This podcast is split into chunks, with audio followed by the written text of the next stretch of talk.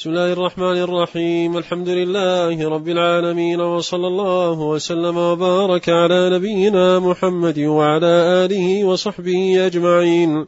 اللهم اغفر لنا ولشيخنا ولوالدينا والحاضرين وجميع المسلمين. فهذا هو المجلس الأول المنعقد بجامع عثمان بن عفان رضي الله عنه. مغرب يوم الاثنين الثلاثين من الشهر العاشر من عام 1400 مئة وثلاثين في شرح عمدة الأحكام. يشرحه سماحة شيخنا ووالدنا صالح بن محمد الحيدان حفظه الله ورعاه. قال المصنف رحمه الله تعالى الإمام الحافظ عبد الغني المقدسي. الحمد لله الملك الجبار الواحد القهار وأشهد أن لا إله إلا الله وحده لا شريك له. رب السماوات والأرض وما بينهما العزيز الغفار وأشهد أن محمدا عبده ورسوله المصطفى المختار صلى الله عليه وعلى آله وصحبه الخيار. أما بعد فإن بعض إخواني سألني اختصار جملة في أحاديث الأحكام مما اتفق عليه الإمامان أبو عبد أبو عبد الله محمد بن إسماعيل بن إبراهيم البخاري ومسلم بن الحجاج بن مسلم القشيري النسابوري فأجبته إلى سؤاله رجاء المنفعة. وأسأل الله أن ينفعنا به ومن كتبه أو سمعه أو قرأه أو حفظه أو نظر فيه وأن يجعله خالصا لوجهه الكريم وأن يجعله خالصا لوجهه الكريم موجبا للفوز لديه في جنات النعيم فإنه حسبنا ونعم الوكيل. بسم الله الرحمن الرحيم. الحمد لله نحمده ونستعينه. ونستغفره ونعوذ بالله من شرور أنفسنا وسيئات أعمالنا. من يهده الله فلا مضل له ومن يضلل فلا هادي له. وأشهد أن لا إله إلا الله وحده لا شريك له. وأشهد أن محمدا عبده وخليله ورسوله. أرسله رحمة للعالمين. فبلغ الرسالة وأدى الأمانة ونصح للأمة وجاهد في الله حق جهاده. وتركنا على محجة بيضاء. ليلها كنهارها لا يزيغ عنها إلا هالك. فمن أحسن الاقتداء به وسار على منهجه يبتغي بذلك وجه الله أفلح ونجح. ومن صد وضل فقد قال عليه الصلاة والسلام لا يضل إلا هالك. وهذا الكتاب العمدة عمدة الفقه الذي هو مقرر أو كان مقرر بعدها استمر كان مقررا على المعاهد العلمية. من حين افتتح المعهد العلمي بالرياض وهذا الكتاب هو مقرر القسم أي المعهد بكامل سنواته. والتزم رحمة الله عليه وهو من كبار المحدثين في القرن السادس الهجري رحمة الله عليه التزم بأن يجمع هذه الأحاديث من الصحيحين مما اتفق عليه البخاري ومسلم. ووفى بما التزم به رحمة الله عليه إلا في نزر يسير. وابن آدم لا بد أن يعتريه شيء من النقص لكنه ليس بالنقص المخل. فكان رحمة الله عليه إماما في الحديث. وله أثر بالغ. رحمة الله عليه وقد أحسن أيما إحسان في انتقاء هذه الأحاديث. القليلة العدد العظيمة الفائدة. فمن وفق لحفظها كان عنده أساس من أدلة الأحكام.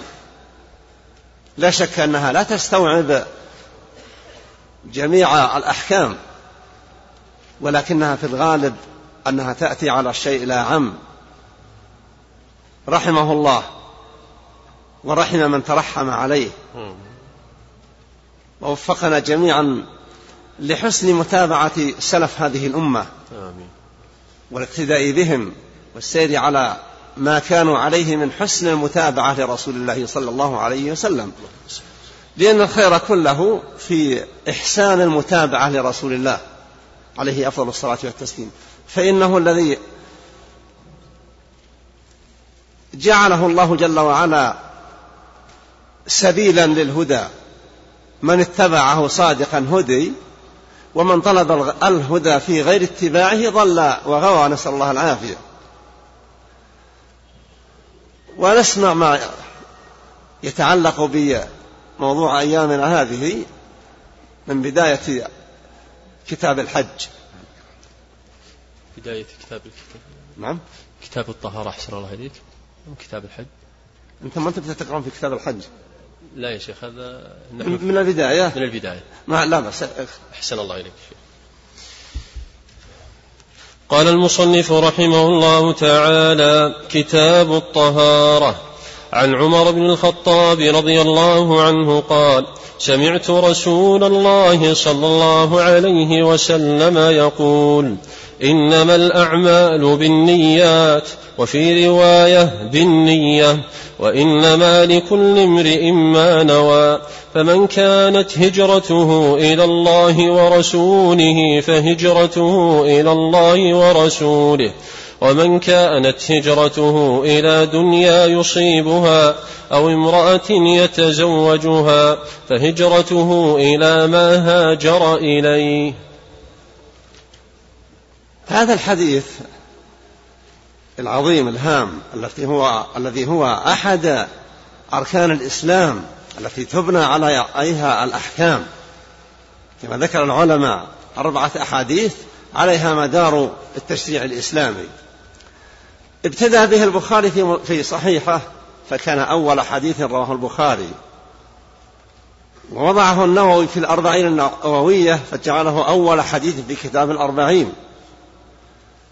وكثير من العلماء سار على نفس هذا المنهج لأن العبرة بالنية إنما الأعمال بالنيات. من كانت نيته طاعة الله جل وعلا وطاعة رسوله صلى الله عليه وسلم وأخذ بالأسباب وفق.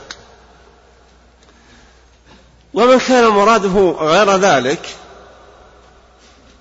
فنحن نعلم أن أول من تسعر بهم النار ثلاثة. أول من تسعر بهم النار ثلاثة. كانوا قائمين بأمر مهم لو صحبتهم النية في ذلك المقام. هؤلاء الثلاثة عالم ومقاتل وغني. العالم تعلم العلم ليماري العلماء ويجاهد. وفي رواية أخرى قارئ قرأ ليقال هو قارئ. ف والمقاتل جد واجتهد وأثبت وجودا ومضاء في الأعداء لكنه إنما فعل ذلك ليقال هو شجاع. والجواد الباذل للمال بذل مالا. لكن لما لم يكن مراده طاعة رب العالمين جل وعلا صار من أول من تسعر بهم النار. لذا النية يحتاج الإنسان أن يحسن استصحابها. ويحاسب نفسه في أمرها بجد. النفس أمارة بالسوء. والإنسان إذا تتبعها بخير وفق إلى سبيل الخير. وإذا أهملها فإن الله يقول إن النفس لأمارة بالسوء إلا ما رحم ربي. وقد ألف العلماء في شرح هذا الحديث بخاصة وكتبوا بحوثا منهم شيخ الإسلام ابن تيمية شرح الحديث إنما الأعمال بالنيات وتوسع في ذلك رحمة الله عليه. ومبنى الأعمال النافعة على هذه النية. إذا كان قصد الإنسان في عمله وجه الله وتمحض في عمله إصابة الحق نفعه. لأن الإنسان قد يقصد وجه الله بالعمل ولا يحسن المتابعة. فلا بد من المتابعة لرسول الله صلى الله عليه وسلم. وإذا لم يحسن لم ينفعه ذلك العمل. للحديث المخرج في الصحيح من عمل عملا ليس عليه أمرنا فهو رد. والشروط اللازمة للعمل النافع أن يكون خالصا لوجه الله وأن يكون موافقا لسنة رسول الله. هذان الشرطان لا بد من تحققهما في أي عمل يراد به وجه الله. لو عمل إنسان عملا يبتغي به وجه الله. لكن لم يحسن المتابعة لم ينفعه. الله يقول قل إن كنتم تحبون الله فاتبعوني يحببكم. ليس مجرد إرادة محبة الله يكفي لا. لا بد من الإرادة النية ولا بد من المتابعة. والمتابعة تحقيق الصواب من العمل. ولهذا ينبغي للإنسان في كل عمل إذا قام به من أعمال الخير أن ينظر. هل صحبه في هذا العمل رائحة رياء هل كان فعل هذا العمل ليتحدث الناس عن جوده؟ وسعة اطلاعه؟ وغوصه على دقائق المسائل ليقول الناس إنه عالم. هذا الحديث العظيم يقول إنما الأعمال بالنيات وإنما لكل امرئ ما نوى. كان رجل في عام في وقت الهجرة هاجر ليتزوج امرأة تدعى أم قيس. فكان يسمى مهاجر أم قيس. والحديث قد لا يكون لهذا السبب فقط وإنما هو تقعيد هام.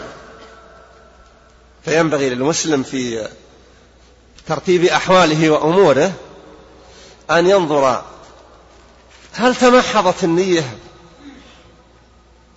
في ابتغاء وجه الله جل وعلا؟ إذا وجدها كذلك فلينظر. هل وافق في عمله مراد الله مراد الله ومراد رسوله؟ فأحسن الاتباع. إن وجد اختلالا في هذا أو ذاك فليعمل إرادة التعديل. النفس جماحة. النفس لها رغبة في الاستعلاء والعلو والجاه. وجاء في الحديث الصحيح ما ذئبان جائعان أرسل في زريبة غنم بأفسد لها من حب المرء للشرف والمال. والإنسان لا يؤتى في سقطاته وأموره إلا من طريق حب المال. أو طريق حب الجاه والشرف. فيحتاج الإنسان في أموره كلها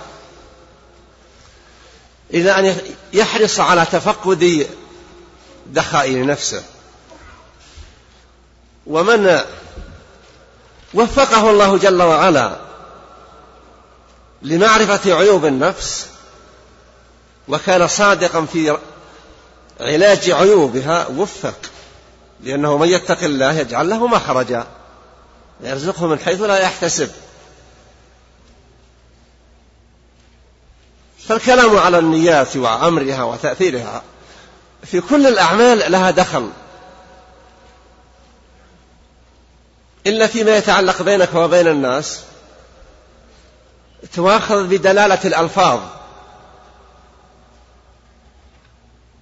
لو تقول أنت أنا ما أردت هذا ولكن لفظك يدل عليه دلالة واضحة تحاسب عليه على ما دلت عليه هذه الألفاظ. وأما ما كان قابلا لذا وذاك فالنية تؤثر فيه. إنما الأعمال بالنيات وفي لفظ بالنية. والإنسان ليس له إلا ما نوى ولذلك حديث ليس لك إلا يقال للشخص ليس لك إلا ما نويت؟ لأنه ما نوى ما عند الله والدار الآخرة وإنما نوى جاه روى مغنم أراد مغنم أراد جاه أراد نصرة عشيرته لا نصرة دين الله جل وعلا فليس له إلا ما أراد. فالمهم أن النية ينبغي ينبغي لطالب العلم بالخصوص أن يحفظ هذا الحديث وأن يحسن استذكاره في كل المواقف التي يريد أن يقف فيها. هل تحقق فيه ما كان لله جل وعلا ولمتابعة رسوله؟ إذا وجد ذلك متحققا فليحمد الله. فإن الفضل كله لله جل وعلا. الله يقول في الحديث القدسي حديث أبي ذر مخرج في الصحيح يا عبادي كلكم ضال إلا من هديته إذا لا يكون الإنسان مهتديا لحذقه وفهمه أو لحرصه أو لسعة معلوماته لا. الله قال لأشرف الخليقة وأقدرهم على الإيضاح والبيان إنك لا تهدي من أحببت. فالمسلم يحتاج إلى أنه ينظر في مقاصده. وليحرص ألا تغالطه نفسه. فإن الشيطان يجري من ابن آدم مجرى الدم. يغر الإنسان يقول لا نيتك هذه طيبة. وما دخلها لا يؤثر عليها. الشروخ في الجدار إذا لم تتعاهد بالترميم والرفع ربما هدت الجدار ربما سرت الأعمال والنوايا بالعمل حتى تفسد فنسأل الله العافية والسلامة. أحسن الله إليك. وعن أبي هريرة رضي الله عنه قال قال رسول الله صلى الله عليه وسلم لا يقبل الله صلاة أحدكم إذا أحدث حتى يتوضأ.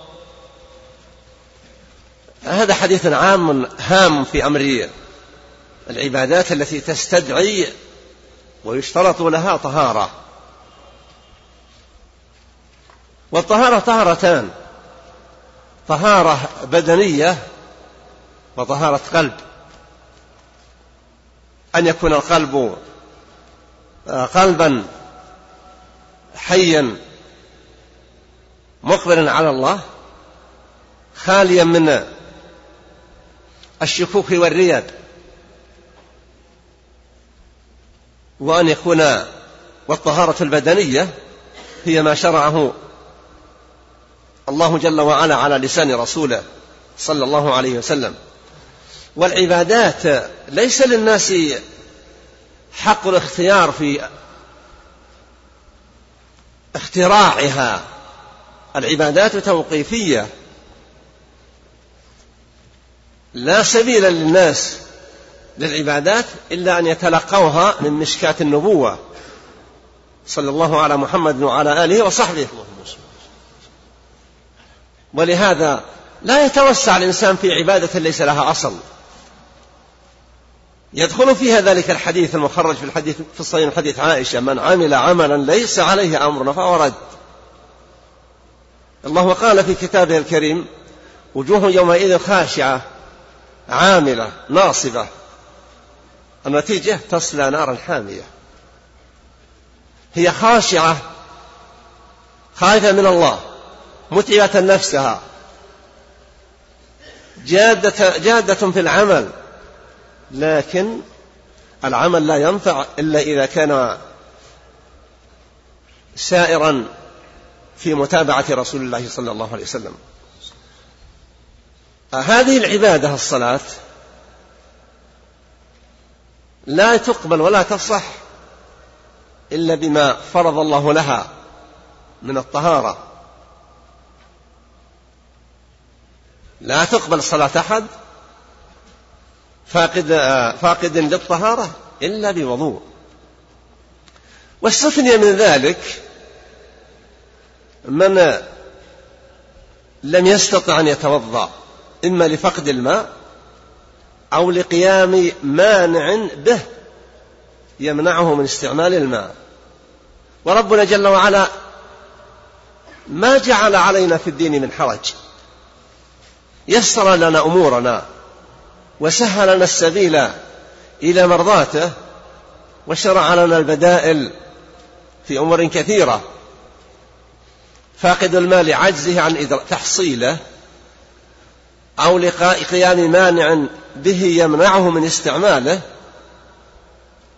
أباح الله له التيمم ولو لم يتوضأ.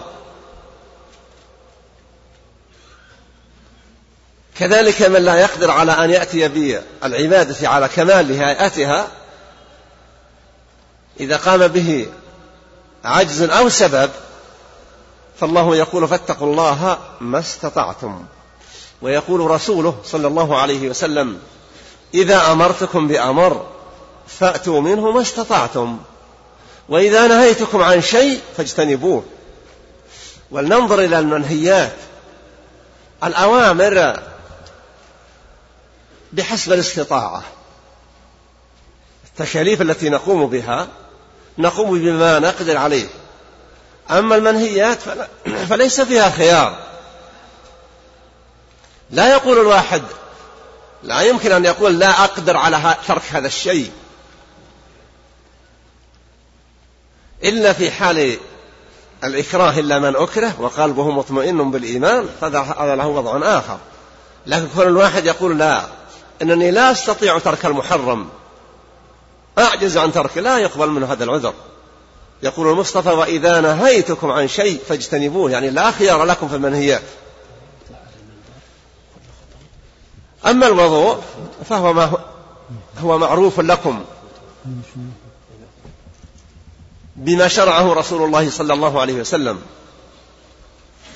ولا شك أن الجميع يعرفون الوضوء. أكمله فعله رسول الله صلى الله عليه وسلم. وما تجاوز ما فعله الرسول فهو اعتداء في تلك العبادة. صفة الوضوء وضوء النبي صلى الله عليه وسلم أذكر باختصار لأنه معلوم عند الجميع. إذا أراد الوضوء غسل كفيه ثلاثا ثم بدأ في الوضوء. يستنشق ويتمضمض ثلاثا. ويغسل وجهه غسلا تاما ثلاثا. ويغسل ذراعيه. اليمنى ثلاث اليمين ثلاثا والشمال ثلاثا. يدخل المرفق بالغسل ثم يمسح رأسه يبدأ في مقدمة الرأس ويدبر بيديه إلى قفا الرأس ثم يعيدها ويمسح الأذنين باطنهما ظاهرهما ثم يغسل القدمين ثلاثا ثلاثا. هذا هو أكمل حالات الوضوء. ويجزئ مرتين مرتين ويجزئ مرة واحدة ومن يزد على الثلاث يكون قد اعتدى في هذه العبادة. فيحتاج المسلم إلى أن يصطحب نية حسن المتابعة في عبادته. وكلمة الوضوء يعني أنها يزيل ما على الجسد من غبار أو غيرها أو على الأقل يزيل ما يحس به الإنسان. من فقده تلك الصفة الكريمة الصالحة لأن يكون عليها العبد في مناجاته لربه جل وعلا. لأن أكمل مقامات مقامات ابن آدم إذا وقف في الصلاة. لأنه يخاطب ربه. كأنما يقول لربه بعد استفتاحه في العبادة في الفاتحة. وثنائه على ربه جل وعلا وتعظيمه له. وذكر أن الحمد الكامل له جل وعلا يبدأ بعد ذلك بالمخاطبة. إياك نعبد وإياك نستعين. إذا هو يحتاج إلى أن يكون قد تهيأ في موقفه ذلك لما يليق بالمقام. ولهذا يحسن بالمصلي حتى ولو في بيته أن يكون في حال أدائه للعبادة حريصا على أن يكون في أحسن حال. ويروى عن عبد الله بن عمر رضي الله عنهما أن أحد أبنائه أراد أن يصلي حاسر الرأس أو رآه يصلي حاسر الرأس فما كان من عبد الله إلا أن أنبه وقال تقف بين يدي الله تناجيه. بهذه الصفة وهذه الحالة وربنا يقول يا بني آدم خذوا زينتكم عند كل مسجد أي عند كل صلاة. فالمسلم يحرص على إعطاء الصلاة حقها فإن الصلاة أعظم أركان الدين بعد الشهادتين وهي أيضا مشتملة على الشهادتين. لا تصح صلاة العبد حتى تشتمل صلاته على الشهادتين. التي هي اللتين هما الركن الأول من أركان الإيمان من أركان الإسلام. أحسن الله إليك. وعن عبد الله بن عمرو بن العاص وأبي هريرة وعائشة رضي الله عنهم قالوا قال رسول الله صلى الله عليه وسلم ويل للأعقاب من النار. هذا الحديث الصحيح المخرج في الصحيحين. كان النبي صلى الله عليه وسلم في أحد أسفاره وفي المغازي والصحابة رضي الله عنهم أكثرهم لا خفاف لهم. وربما لا نعال كانوا في حال من الحاجة والفاقة ومن الخشونة وتجنب التنعم. ما يجعل الكثير الكثير منهم يمشي حافيا. فيعلق بالقدم أغبرة. فلما توضأوا لمح النبي صلى الله عليه وسلم بعضهم تلوح أعقابهم لم يصبها الماء. فنادى بصوت يسمعه من حوله ويل للأعقاب من النار. ويل للأعقاب من النار. ما قال هذا فاتهم وانتهى الأمر. لا. معناه لازم لا بد أن يتداركوا ولهذا ينبغي للمسلم في وضوءه أن يتعاهد أعضاء الوضوء. ويحسن إبلاغ الماء إليها. وما قد يكون متلاصقا من الأصابع القدمين. أو اليدين يحرص على تخليلهما. كذلك من كان شعره كثيفا يخلل اللحية حتى يبلغ الماء أصول الشعر. النبي زنا أخبر ويل للأعقاب من النار. النار لا تأكل مواضع الوضوء من المسلم. فإذا لم يتعاهد وضوءه بالإسباغ عرض نفسه للخطر. والنبي أخبر صلى الله عليه وسلم أن أمته يوم القيامة يأتون غرا محجلين من آثار الوضوء. لكن هذا الوضوء له حد. أكمل الناس وضوءا محمد صلى الله عليه وسلم. فينبغي للمسلم أن يكون حريصا على حسن مشابهة النبي عليه الصلاة والسلام بالوضوء. وكذلك في الاغتسال. ولا شك أن الاغتسال سيأتي له موقع من هذا الكتاب ما دام أن البداية من هذا الموقع. فليحرص المسلم. كان أبو هريرة رضي الله عنه يسبغ يطيل الغرة. لا شك أن الأفضل الاقتداء بفعل النبي صلى الله عليه وسلم. كان عليه رضي الله عنه وأرضاه يشرع إلى قريب منتصف الساق. ويقول من أراد من أن يطيل غرته فليفعل. والجملة هذه ليست من الحديث لكنها لم ترد فيما سمعنا. إنما هي اجتهاد منه رضي الله عنه وأرضاه وهو كما هو معلوم من أكثر الصحابة رواية للحديث إن لم يكن أكثرهم. وهو يذكر أن عبد الله بن عمرو بن العاص أكثر منه يقول لأنه يكتب ولا أكتب. فيتعهد المسلم عقبة ينظر هل أصابها الماء؟ يدركها بشيء من الدلك بدون مبالغة ليتحقق أن الماء بلغ مواضع الوضوء. نعم. حسن الله إليك.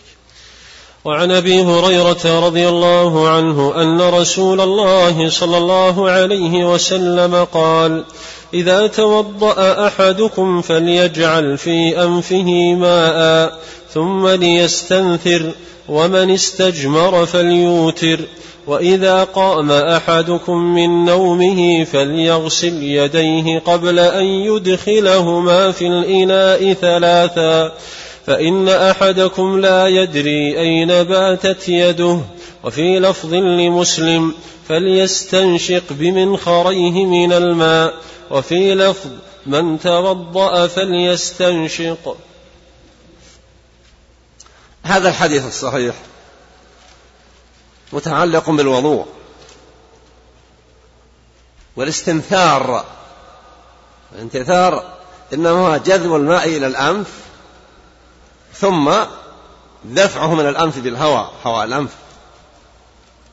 حتى يزيل ما قد يكون علق في الأنف من ما يحصل من ترسبات ولما في ذلك أيضا من سهولة ظهور النفس. والنبي صلى الله عليه وسلم وليس في أحاديث العمدة يقول إن المصلي إذا توضأ وغسل وجهه. خرجت كل خطيئة أصابها الوجه مع قطرات الماء أو آخر قطرات الماء. ثم قال ذلك فيما يتعلق غسل بقية الأعضاء. الوجه يكون فيه الكلام والشم والاستماع والنظر.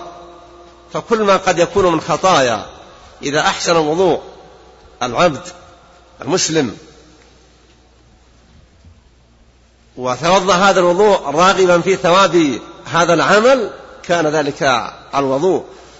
من أسباب خروج هذه الخطايا وزوالها حتى يكون في وقفته بين يدي ربه جل وعلا يناجيه يقف وهو خفيف الظهر من هذه الأعمال الخطيرة.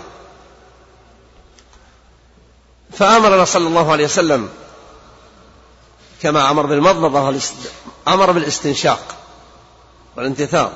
وقال في حديث آخر وليس في أحاديث العمدة فيما أظن وبالغ في الاستنشاق إلا أن تكون صائما. يعني لا تبالغ لكن لا تترك الاستنشاق. نعم. حسن الله إليك. وعن أبي هريرة رضي الله عنه أن رسول الله صلى الله عليه وسلم قال لا يبولن أحدكم في الماء الدائم الذي لا يجري ثم يغتسل منه. وفي رواية لا يغتسل أحدكم في الماء الدائم وهو جنب. في الحديث معنيان. الأول في تقدير الماء والبول فيه ولا شك أن هذا اعتداء على الماء. وإساءة إلى الآخرين الذين يحتاجون إلى هذا الماء. وقوله لا يبولن أحدكم في الماء الراكد أو الدائم ثم يغتسل فيه ليس معناه إذا كان لا يريد الاغتسال لا حرج. وإنما في ذلك لتنفيره من الإقدام على هذا السوء ثم التلطخ بذلك الماء الذي اختلط به ذلك الشيء النجس.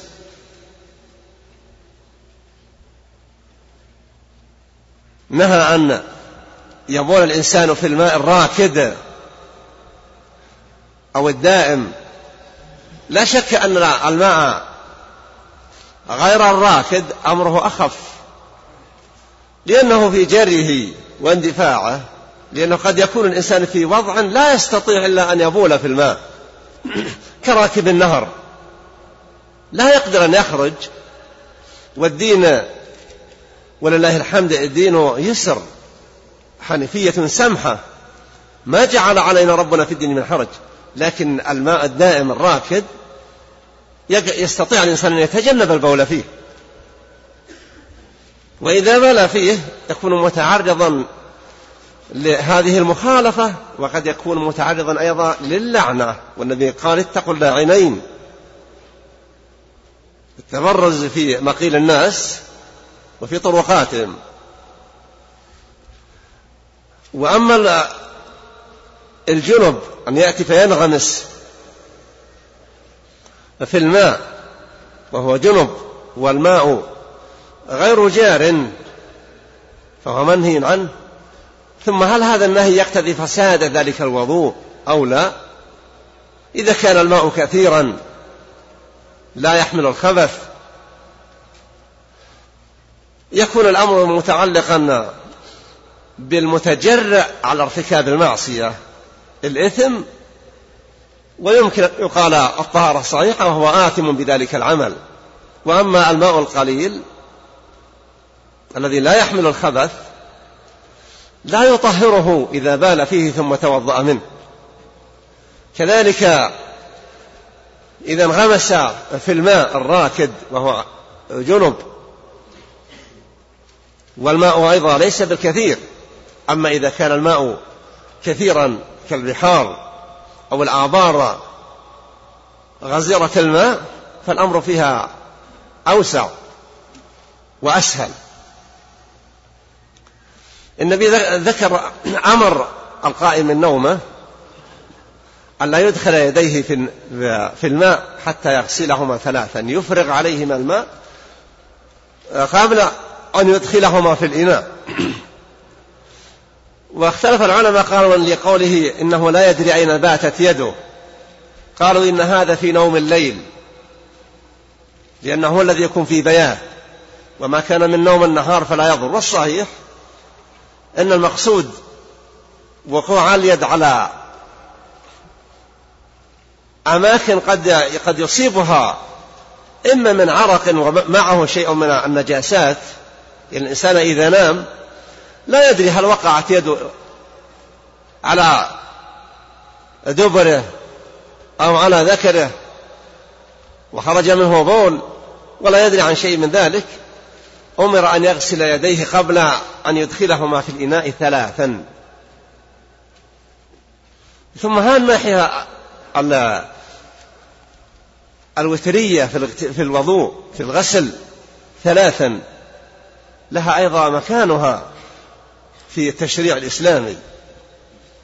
أكمل الوضوء ما كان وترا ثلاثا في كل عضو.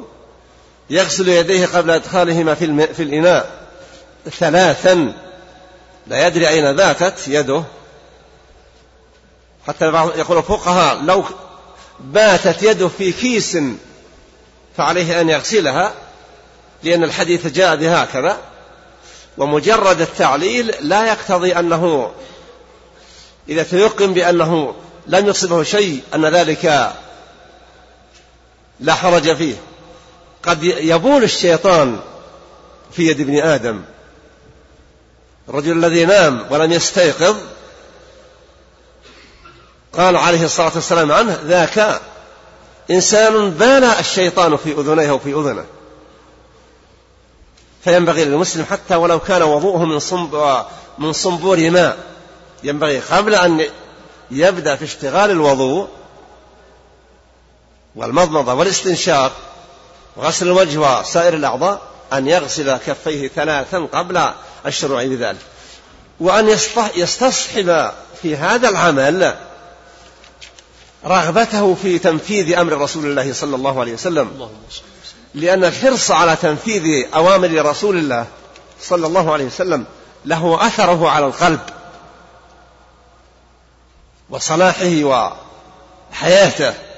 وقد قال النبي صلى الله عليه وسلم اللهم ألا وإن في الجسد مضغة إذا صلحت صلح الجسد كله. وإذا فسدت فسد الجسد كله ألا وهي القلب.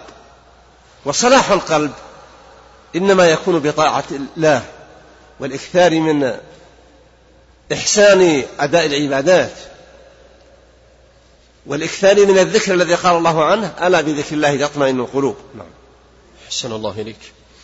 وعن أبي هريرة رضي الله عنه أن رسول الله صلى الله عليه وسلم قال إذا شرب الكلب في إناء أحدكم فليغسله سبعا ولمسلم أولاهن بالتراب وله من حديث عبد الله بن مغفل رضي الله عنه أن رسول الله صلى الله عليه وسلم قال إذا ولغ الكلب في الإناء فاغسلوه سبعا وعفروه الثامنة بالتراب.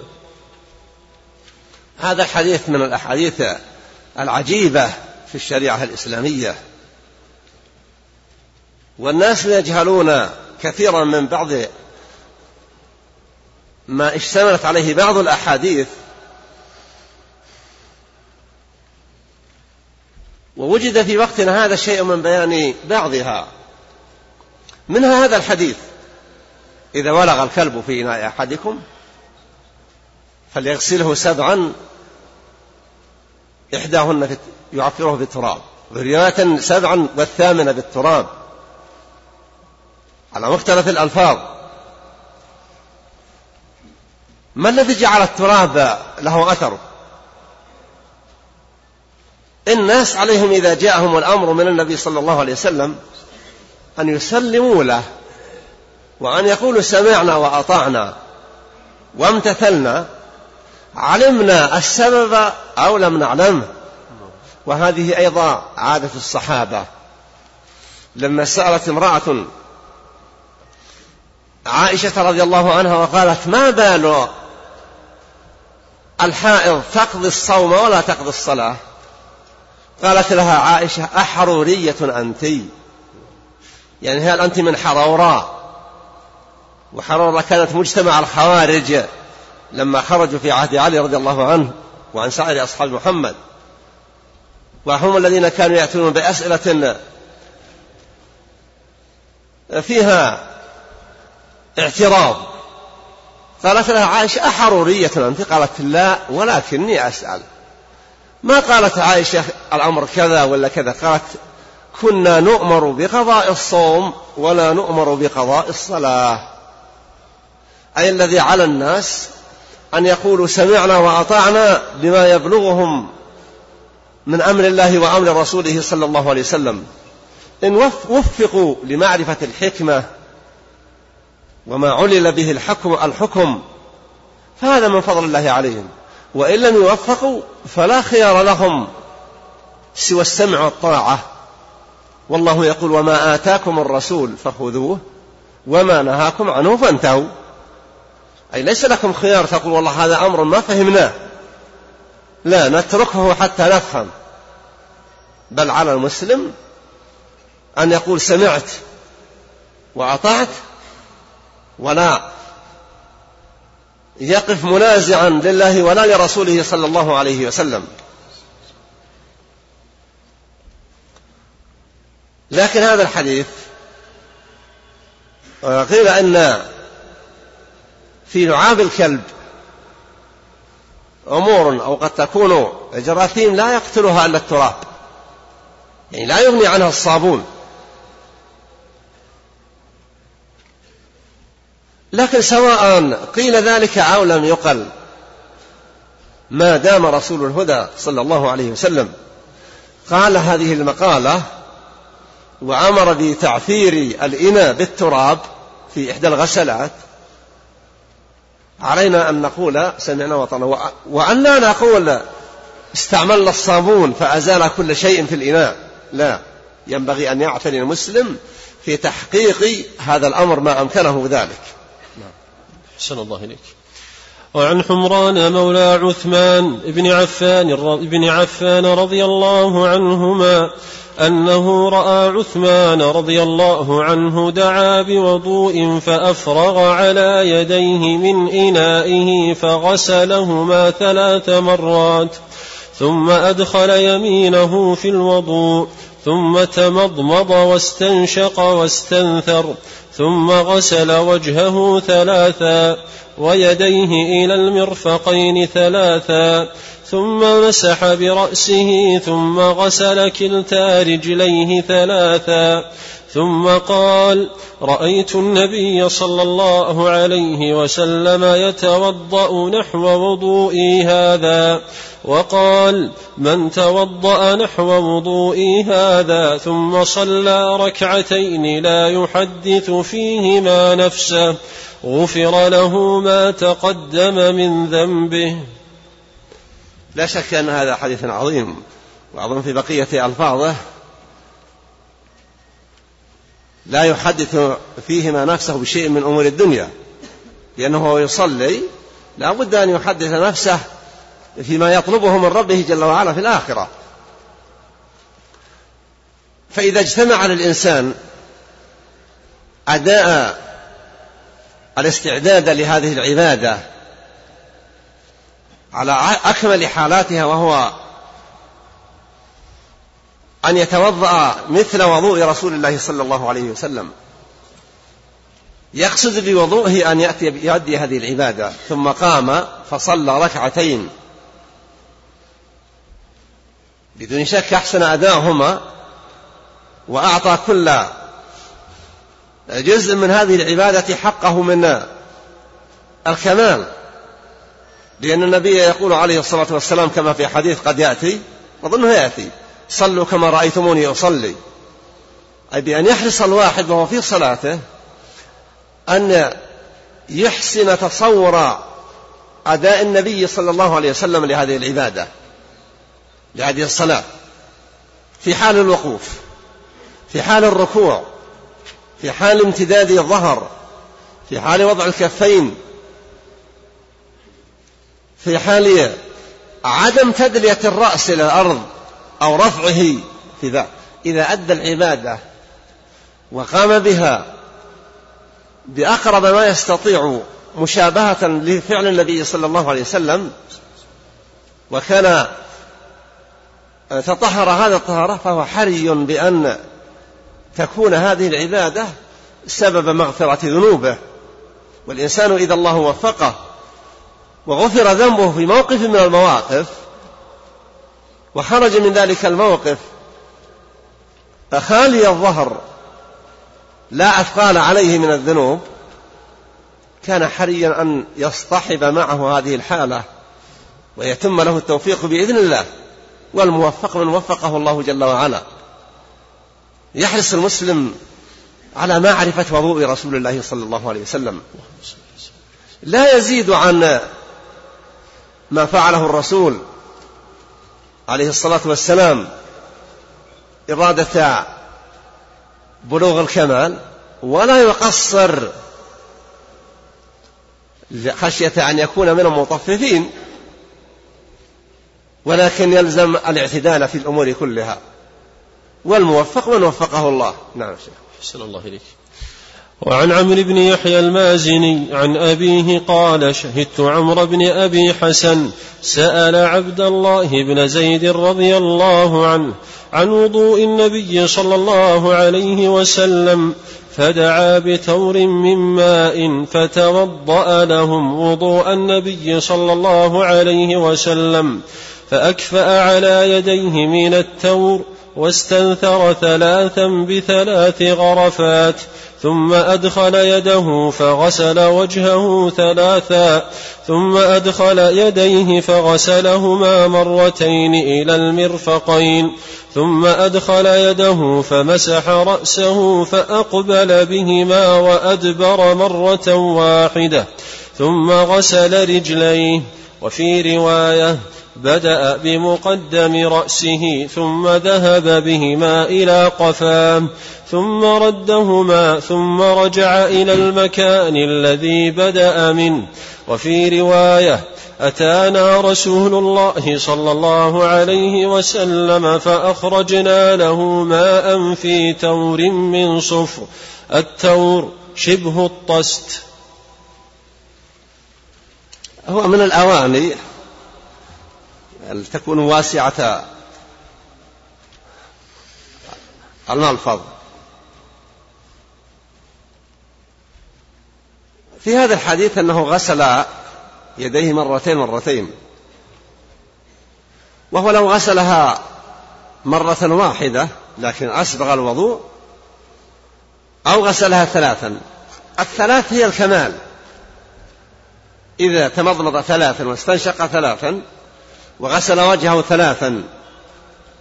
وغسل ذراعيه ثلاثا ثلاثا ومسح الرأس. وقولها أقبل بهما وأدبر. يعني ذهب بهما إلى آخر الرأس لما توجه إلى مؤخرة كأنه أقبل على قفاه إلى قفاه. ورجع إلى البداية كأنه أدبر. والأمر سهل في هذا. المهم أن يكون المسح مستوعبا الرأس كله. لا يتجاوز المسح وينزل إلى أسفل الرقبة. بل يحرص المتوضئ على أن يتقيد بما ورد بألفاظ النبي صلى الله عليه وسلم. وما ورد بألفاظ الصحابة من وصفهم لفعله صلوات الله وسلامه عليه. ثم بالنسبة والقارئ يقرأ تذكرت موقف هذه الأمة من الصحابة. هؤلاء الصحابة رضي الله عنهم هم الذين نقلوا لنا دقائق هذا الدين. أصوله وفروعة. وكل أحوال نبينا صلى الله عليه وسلم. فهم لهم منة وفضل علينا. ولذلك علينا أن نحرص على الترضي عن الترضي عنهم. رضي الله عنهم. ومعرفة فضلهم. لا سيما والنبي قد شهد لهم صلى الله عليه وسلم أنهم خير القرون. النبي أخبر أن القرن الذين بعث فيهم هم خير القرون. ثم الذين يلونهم ثم الذين يلونهم كما في حديث عمران بن حسين وحديث عبد الله بن مسعود والحديث في الصحيح. فقصدي من هذا أن ننظر إلى ما ينبغي لنا نحوهم رضي الله عنهم وأرضاهم. ولعلنا نكون والذين جاءوا من بعدهم يقولون ربنا اغفر لنا ولإخواننا الذين سبقونا في الإيمان. ولا تجعل في قلوبنا غلة إلى آخره. وليتبرأ من من طريقتي ومسلكي أولئك القوم الذين يؤذون بألسنتهم صحابة محمد صلى الله عليه وسلم. النبي أخبر أن خير هذه الأمة في أولها كما في الحديث المخرج في الصحيحين. فنسأل الله الهداية. نعم. وعائشة رضي الله عنها قالت كان رسول الله صلى الله عليه وسلم يعجبه التيمن يعجبه التيمن في تنعله وترجله وطهوره وفي شأنه كله. هذا الحديث يتعلق بأن يحرص المسلم على البداء في اليمين في أموره في غالب أموره الخيرة. فإن عائشة رضي الله عنها لما ذكرت أحواله ولا شك أن نساء النبي صلى الله عليه وسلم جعلهن الله جل وعلا سبب خير لهذه الأمة. ينقلن من أحوال رسول الله صلى الله عليه وسلم وتعامله في بيته مع نسائه وأما الأطفال الذين يكونون فيها في البيت ما لا ينقله الرجال الذين كانوا معتنين بصحبته في خارج منزله صلوات الله وسلامه عليه. ولهذا فيما يتعلق بأمر الطهارة وغسل الجنابة وكذا وكذا نساء النبي عليه الصلاة والسلام أعرف من غيرهن. لأنه في بعض الأحوال يغتسل النبي صلى الله عليه وسلم زوجه التي هو في بيتها يغتسلان من إناء واحد حتى تختلف أيديهما في الإناء كما في حديث عائشة. فمن رحمة الله بهذه الأمة أن يسر لنبي الله صلى الله عليه وسلم أمهات المؤمنين اللواتي ينقلن للناس حالته وسيرته في نومة وقيامة ووضوءه وإذا استيقظ ماذا يقول؟ حال ما يستيقظ من نومه ماذا يقول من الكلام؟ وكان عليه الصلاة والسلام إذا استيقظ آه، قرأ الآيات الأخيرة من سورة آل عمران إن في خلق السماوات والأرض الآخرة فنساء الصحابة تقول عائشة كان يعجبه التيمن أي البدء باليمين في تنعله. إذا أراد أن يلبس عليه لبس اليمنى قبل الشمال. إذا أراد يخلع لا يخلع الشمال. تقول في شأنه كله المقصود بشأنه الشريف. الشأن الحسن. يحرص على التيمن ويعجبه التيمن صلوات الله وسلامه عليه. فالمسلم ينبغي له أن يحرص بقدر المستطاع على معرفة أحوال رسول الله صلى الله عليه وسلم في حال شربه تناوله مناولته لبسه خلع الملابس بقدر ما يستطيع أن يقتدي برسول الله صلى الله عليه وسلم يكون هو بذلك, بذلك العمل ولو كان عادة. إذا صاحبه قصد معرفة فعل النبي صلى الله عليه وسلم كان عبادة. إذا بدأ بخلع ثوبه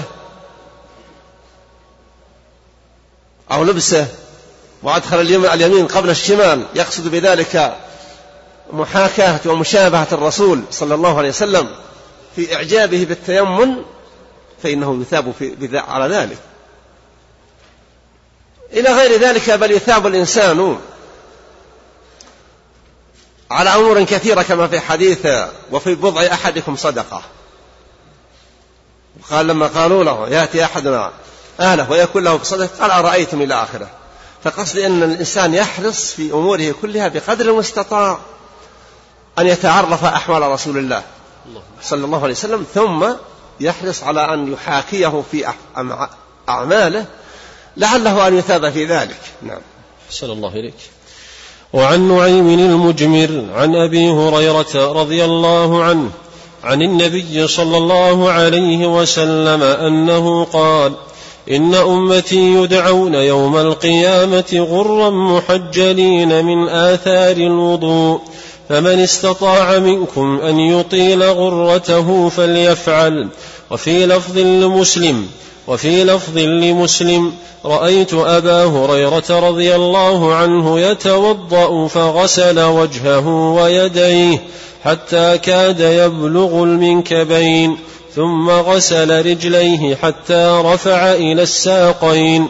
ثم قال سمعت رسول الله صلى الله عليه وسلم يقول إن أمتي يدعون يوم القيامة غرا محجلين من أثر الوضوء فمن استطاع منكم أن يطيل غرته فليفعل. وفي لفظ لمسلم سمعت خليلي صلى الله عليه وسلم يقول تبلغ الحلية من المؤمن حيث يبلغ الوضوء. هذا أشرت إليه في أول الأمر أنه قيل أن من استطاع أن يطيل غرته فليفعل أنه مدرج من كلام أبي هريرة لكن يحتاج الواحد إلى أن يراجعه أكثر. كان أبو هريرة يشرع يشرع في وضوءه إلى العضد وإلى أنصاف الساقين رضي الله عنه لكن الصحابة والنقل هو إدخال الكعبين وإدخال المرفقين. فكونه النبي لما ذكر معرفته لأمته يوم القيامة قالوا له كيف تعرف بين الخلق؟ قال أرأيتم لو كان للإنسان خيل دهم مع خيل كذا وكذا. ألا يعرف خيل؟ قال بلى. قال إن أمتي يبعثون يوم القيامة غرا محجلين من أثار الوضوء. فهذه الغرة الغرة هي التي تكون بالوجه والتحجيل الذي يكون بالأعضاء إنما أثر أن سببه الوضوء وهذه أيضا من العلامات البارزة لهذه الأمة.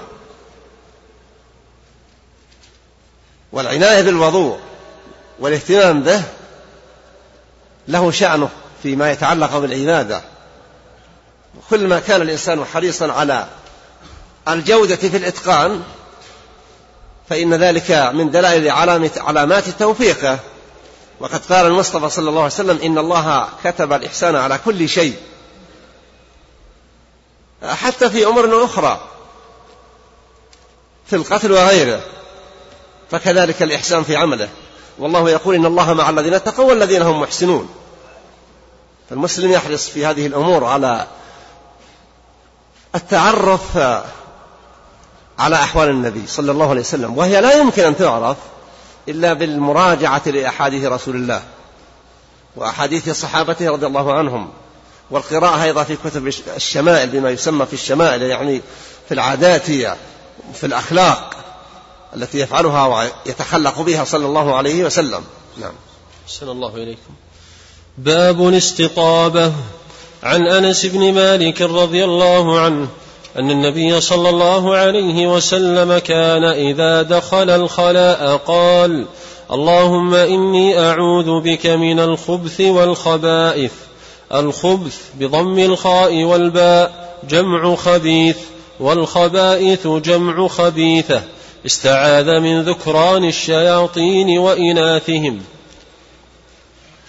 هذا إذا أراد أن يدخل لمحل قضاء الحاجة من بول أو غائط قبل الدخول يذكر الله يستعيذ به.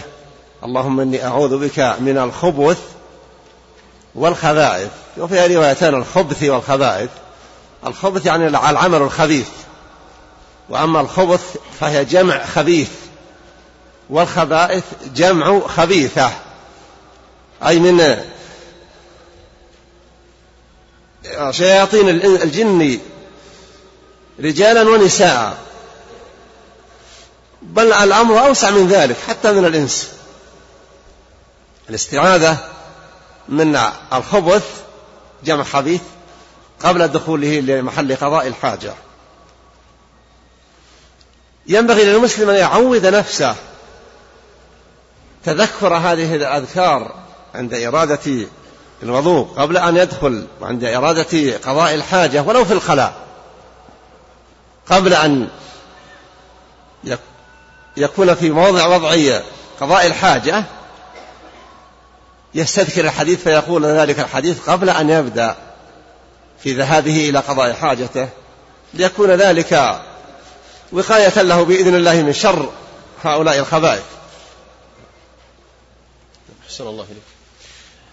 وعن أبي أيوب الأنصاري رضي الله عنه قال قال رسول الله صلى الله عليه وسلم إذا أتيتم الخلاء فلا تستقبلوا القبلة بغائط ولا بول ولا تستدبروها ولكن شرقوا أو غربوا.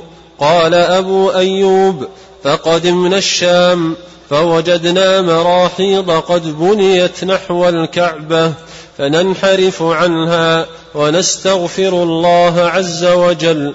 الغائط الموضع المطمئن من الأرض كانوا ينتابونه للحاجة فكنوا به عن نفس الحدث كراهية لذكره. بخاصة بخاص اسمه والمراحيض. جمع المرحاض. جمع للمرحاض. وهو المغتسل. وهو أيضا كناية عن موضع التخلي. رضي الله عن الصحابة وأرضاهم. أبو أيوب لما ذهبوا للشام وجد المراحيض بنيت نحو الكعبة. هي بنيت قبل الإسلام. والمسلمون حرصوا ومع ذلك فما كان داخل البنيان له وضع غير ما كان خارج البنيان. النبي يقول إذا ذهبتم للغائط فلا تستقبلوا القبلة ببول ولا غائط ولا تستدبروها ولكن شرقوا أو غربوا. هذا خاص في أهل المدينة ومن كان على سمتها. لأنهم إذا اتجهوا للشرق ما صاروا باتجاه مكة. وإذا توجهوا للغرب ما كانوا لاتجاه مكة. لكن بعض الأماكن إذا شرق صارت الكعبة بينه وبين المشرق. أو إذا غرب صارت الكعبة بينه وبين المغرب. فالمقصود بذلك إنما هو في أهل المدينة من حيث التشريق والتغريب. وأما من حيث اتجاه الكعبة ففي جميع الدنيا ينبغي للمسلم أن يتجنب استقبال القبلة ببول أو غائط. وأما بالنسبة للمراحيض ففيها ما ورد عن عبد الله بن عمر رضي الله عنهما ورؤية النبي صلى الله عليه وسلم يقضي حاجته في بيت حفصة باتجاه الشام يعني والكعبة خلفه فما كان تحت في داخل البنيان فليس كالحال في خارج البنيان. ومع ذلك يجمل بالإنسان في تأسيس محل قضاء حاجته في منزله أن يتعاهد حسن الاختيار بأن لا يكون في حال وضعه في قضاء الحاجة مستدبرا للكعبة ولا مستقبلا لها. إذا حرص على ذلك وفق. أما أبو أيوب رضي الله عنه وأرضاه لما دخلوا في الشام وجد المراحيض بنيت. نحو الكعبة قال فنستد آه، ننحرف ونستغفر الله. هو فهم رضي الله عنه وأرضاه أن ذلك أمر مقصود في كل مكان. وقولها الغائط هو لا شك أن المقصود بالغائط هو المكان المطمئن. وإنما سمي بالفعل الذي يحصل فيه لأنهم ينتابون ويقصدونه. ثم بنيت المراحيض والكنف في المدينة فيما بعد. في آخر في عهد بعد وفاة النبي صلى الله عليه وسلم بل بنيت الكنف في حياته صلى الله عليه وسلم كما في قصة عمر رضي الله عنه وحرصه على أن يحجب النبي صلى الله عليه وسلم نساء أمهات المؤمنين حتى قال لما رأى سودة خرجت في قضاء حاجتها قال قد عرفناك يا سودة رضي الله عنهم أجمعين. أحسن الله يؤذن شيء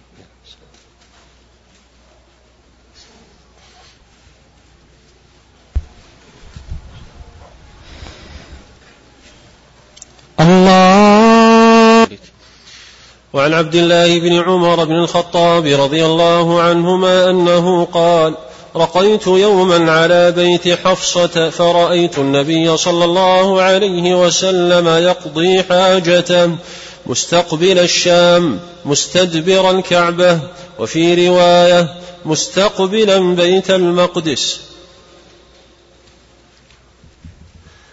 هذا الحديث أشرت إليه. وإلا ما كنا رجعت إلى العمدة.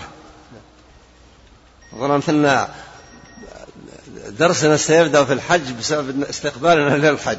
أحسن الله عليك فأشرت إلى هذا المعنى في حديث عبد الله بن عمر رضي الله عنهما ورؤيته لا النبي صلى الله عليه وسلم يقضي حاجته في بيت حفصة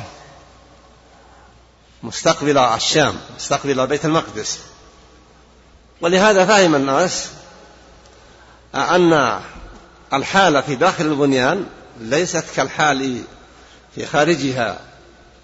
فالحال في خارجها الأصل في النهي يقتضي التحريم. إذا جاء الأمر عن النبي صلى الله عليه وسلم فالأصل فيه أنه يقتضي الوجوب إلا إذا صرف الوجوب صارف والنهي يقتضي التحريم.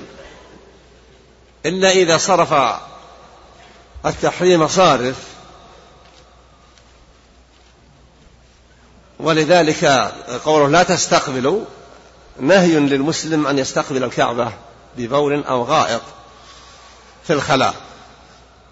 أما في المنزل فإذا أمكنه أن يؤسس محلات قضاء الحاجة غير مستقبلة الكعبة أو غير مستدرة لها فلا شك أن هذا هو الأولى. هو الأولى.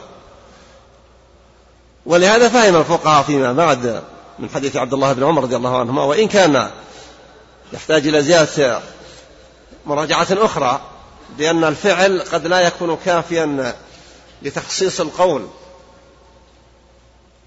لكن ما رآه ابن عمر رضي الله عنهما هو الذي يتفق مع يسر الشريعة وسماحتها. وقول النبي بعثت في الحنيفية السمحة. وقوله صلى الله عليه وسلم يسروا ولا تعسروا وقوله إنما بعثتم ميسرين. إنما التيسير والتسهيل في حدود أمر الشريعة. لا مجال للناس أن يشرعوا هم ويقولون نقصد بذلك التسهيل والتيسير على الناس. مهمة الناس التابعين لرسول الله صلى الله عليه وسلم أن يفهموا قوله لا أن يشرعوا زيادات أو يضيقوا مضايقات بل مهمتهم حسن الانقياد. ولذلك أقول العلماء ليس من حق العلماء أن يشرعوا التشريع لله ولرسوله وإنما مهمة العلماء أن يفهموا التشريع. وأن لا يعطوا أنفسهم حق زيادة أمور أو حق الانتقاص من أمور لا بالزيادة بالترغيب ولا بالانتقاص للتيسير لا. الله جل وعلا أكمل الدين قبل وفاة محمد صلى الله عليه وسلم فأصبح ديننا دينا كاملا لا نحتاج إلى زيادات فيه. وأصبح الاقتداء أمرا لازما لا حاجة إلى إلى ترخيص فيه والموفق من وفقه الله نعم. أحسن الله إليك. الأسئلة؟ الأسئلة أحسن الله إليك. تفضل معك. أحسن الله إليك. قبل أن نعرض الأسئلة هناك تذكير في موقف السيارات أيها الإخوة الكرام أرجو أن لا يقف أحد أمام سيارة أحد حتى إذا كان هناك أحد لظرف طارئ يريد أن يخرج فأرجو أن لا يعني يضايق بعضنا بعضا هذه سيارة كامري لو حتى ألف كاف صاد طاء ألف كاف طاء. ثمانية سبعة واحد سبعة. وأيضا جيب نيسان ألف راء قاف. سبعة ثلاثة ستة اثنين. أرجو من الإخوة إخراج سياراتهم. طيب سماحة الوالد يسأل البعض عن بحكم أن تكلمنا اليوم عن الطهارة عن الماء المكرر والمعالج من مياه الصرف الصحي أكرمكم الله. كيف؟ الماء المعالج من مياه الصرف الصحي أكرمكم الله.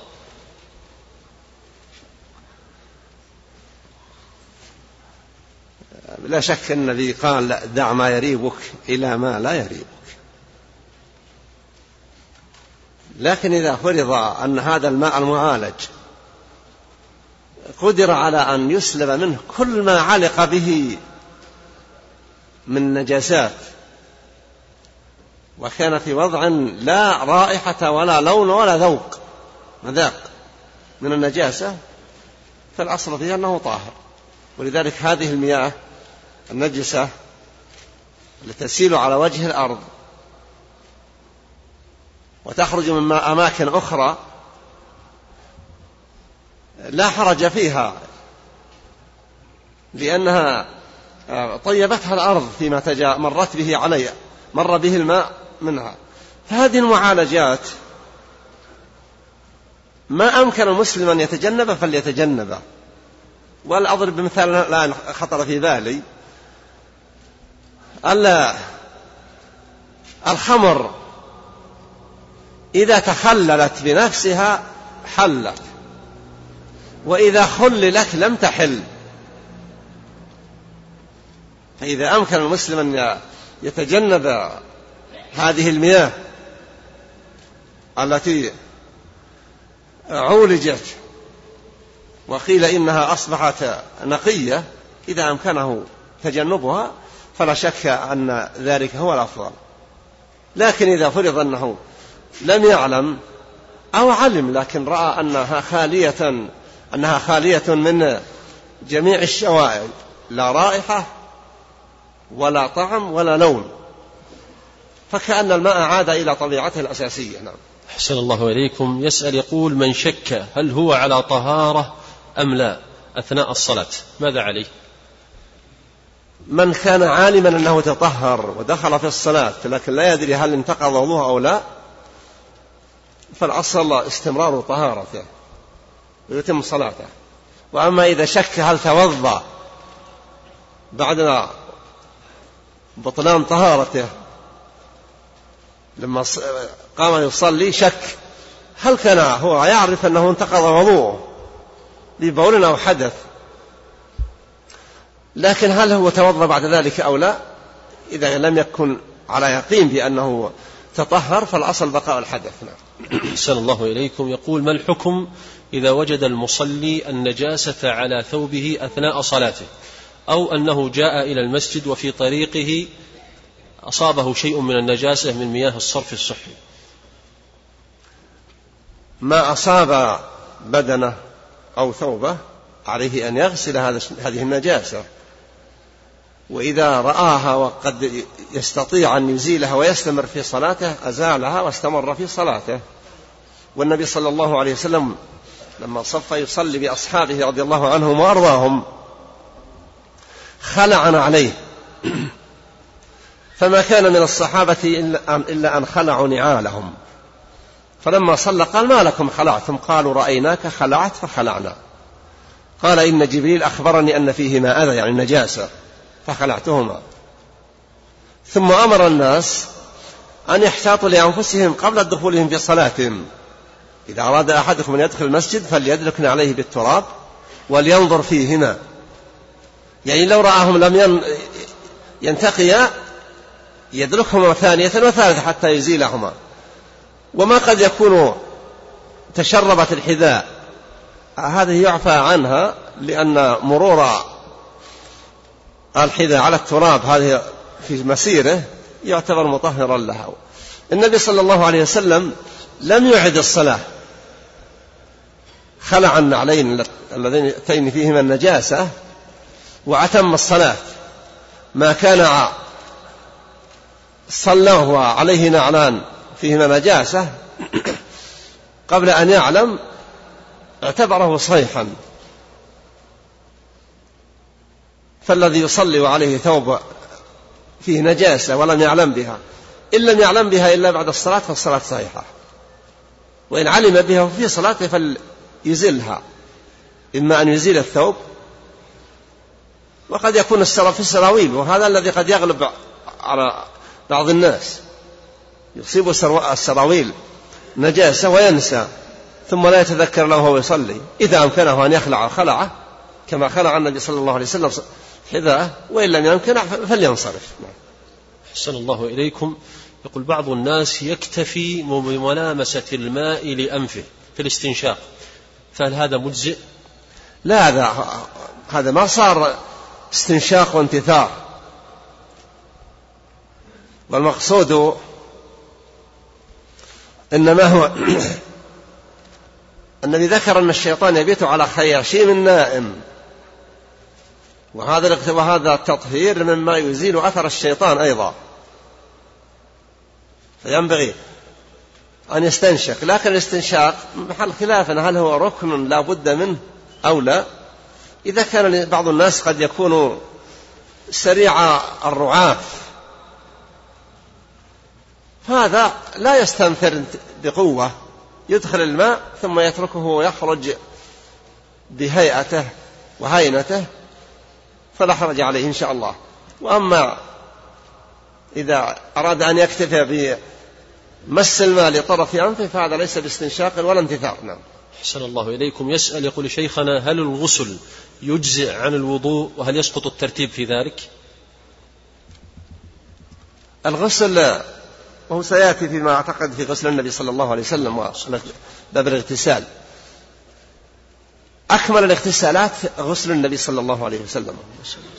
وكان إذا أراد أن يغتسل من الجنابة يستنجي يغسل مذاكيره صلى الله عليه وسلم. فإذا انتهى غسلهم دلك يديه بالتراب ثم غسلهما بالماء ثم توضأ وضوءه للصلاة.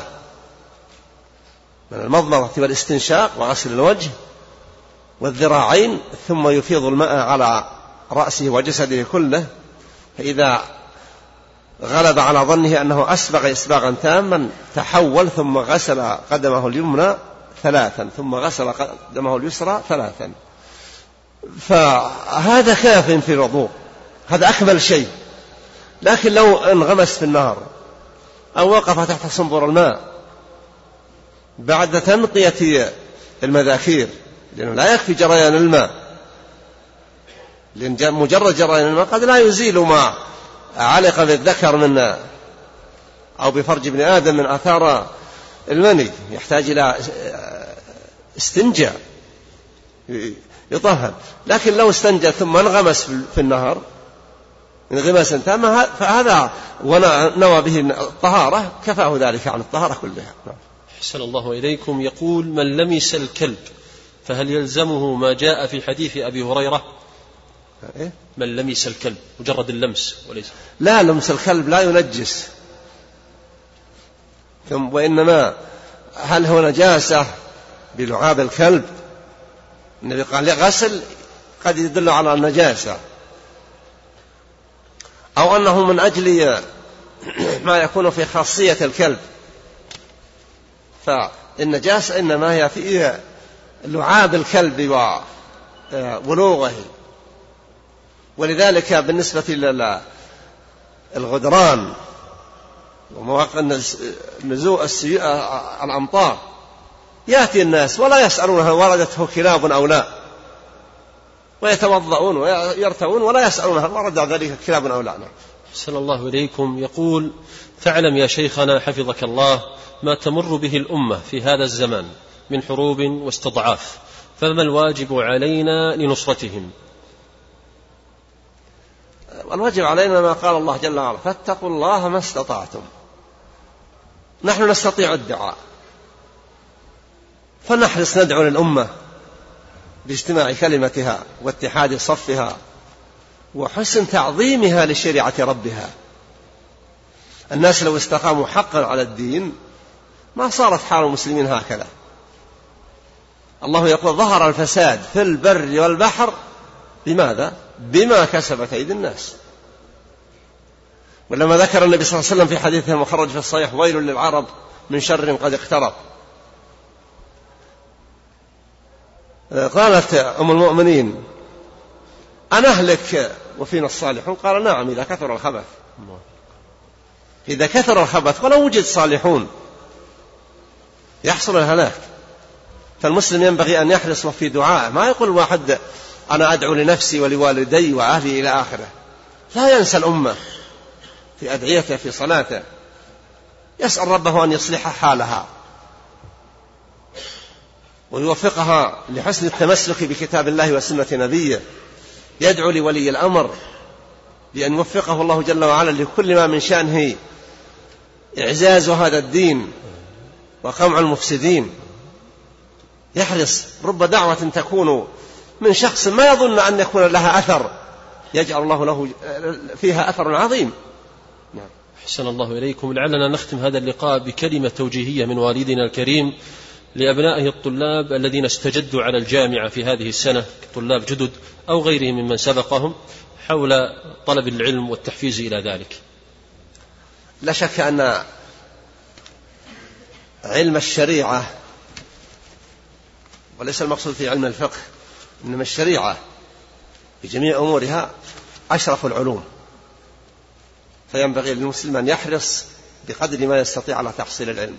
والوقت طويل. اليوم والليلة أربع وعشرون ساعة. لو أحسن الناس تقسيمها لوجدوا أن عندهم شيئا من الفراغ. ينبغي أن يستغل الفراغ فيما يعود على النفس بالخير. وتحصيل العلم. الله أثنى على العلماء قال إنما يخشى الله من عباده العلماء. واستشهد بالعلماء على أشرف الأمور وأكملها. على أنه الواحد الأحد جل وعلا. ينبغي للمسلم أن يحرص على تحصيل العلم. لكن ليس العلم أن يأتي الواحد وينشر رداءه ويظن أنه إذا ضم هذا الرداء حمل علما عظيما. لا يحتاج إلى جد. يقول ذاك الشاعر أخي لن تنال العلم إلا بستة سأنبئك عن تفصيلها ببيان. ذكاء وحرص واجتهاد وبلغة وإرشاد أستاذ وطول زمان يحتاج الواحد إلى يصبر. يقرأ واحد سيرة ابن عباس في تحصيله للعلم. ورجوعه للناس وصبره وإلحاحه عليهم ومراجعتهم وهم يسرهم إذا جاءهم لكنه يتأدب ما يلح ويقف عند باب أحدهم حتى يخرج. ولذلك سمى سمي حبر الأم حبر الأمة وسمي ترجمان القرآن رضي الله عنه وأرضاه.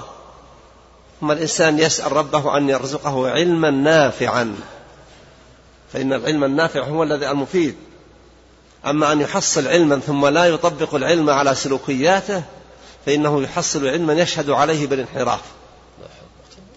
يحرص في تحصيل العلم يسأل ربه جل وعلا أن يوفقه للتقيد بما علم وأن يكون علم العلم الذي ينفعه في الحياة وبعد الممات. لا شك أن علم الشريعة علم ينفع الإنسان في كل أحواله. العلم الذي لا يستغنى عنه أبدا هو علم الشريعة. يمكن يستغنى عن علم الطب لأن الطب ليس بواجب أن الإنسان يتعالج. ولذلك السبعون الألف الذين يدخلون الجنة بغير حساب ولا عذاب ما يتطببون ولا يطلبون من أحد لا رقية ولا علاج. لكن أمور الشريعة لها وزن آخر. يحرص الإنسان على أن يحسن تطبيق ما يعرف من العلم وأن يلح على التحصيل والحفظ مهم في حياة طالب العلم. لا يقول أحد أن أنا أفهم. لا لا بد للفهم أن يكون له أساس من الحفظ. لا بد من حفظ ما يفهم.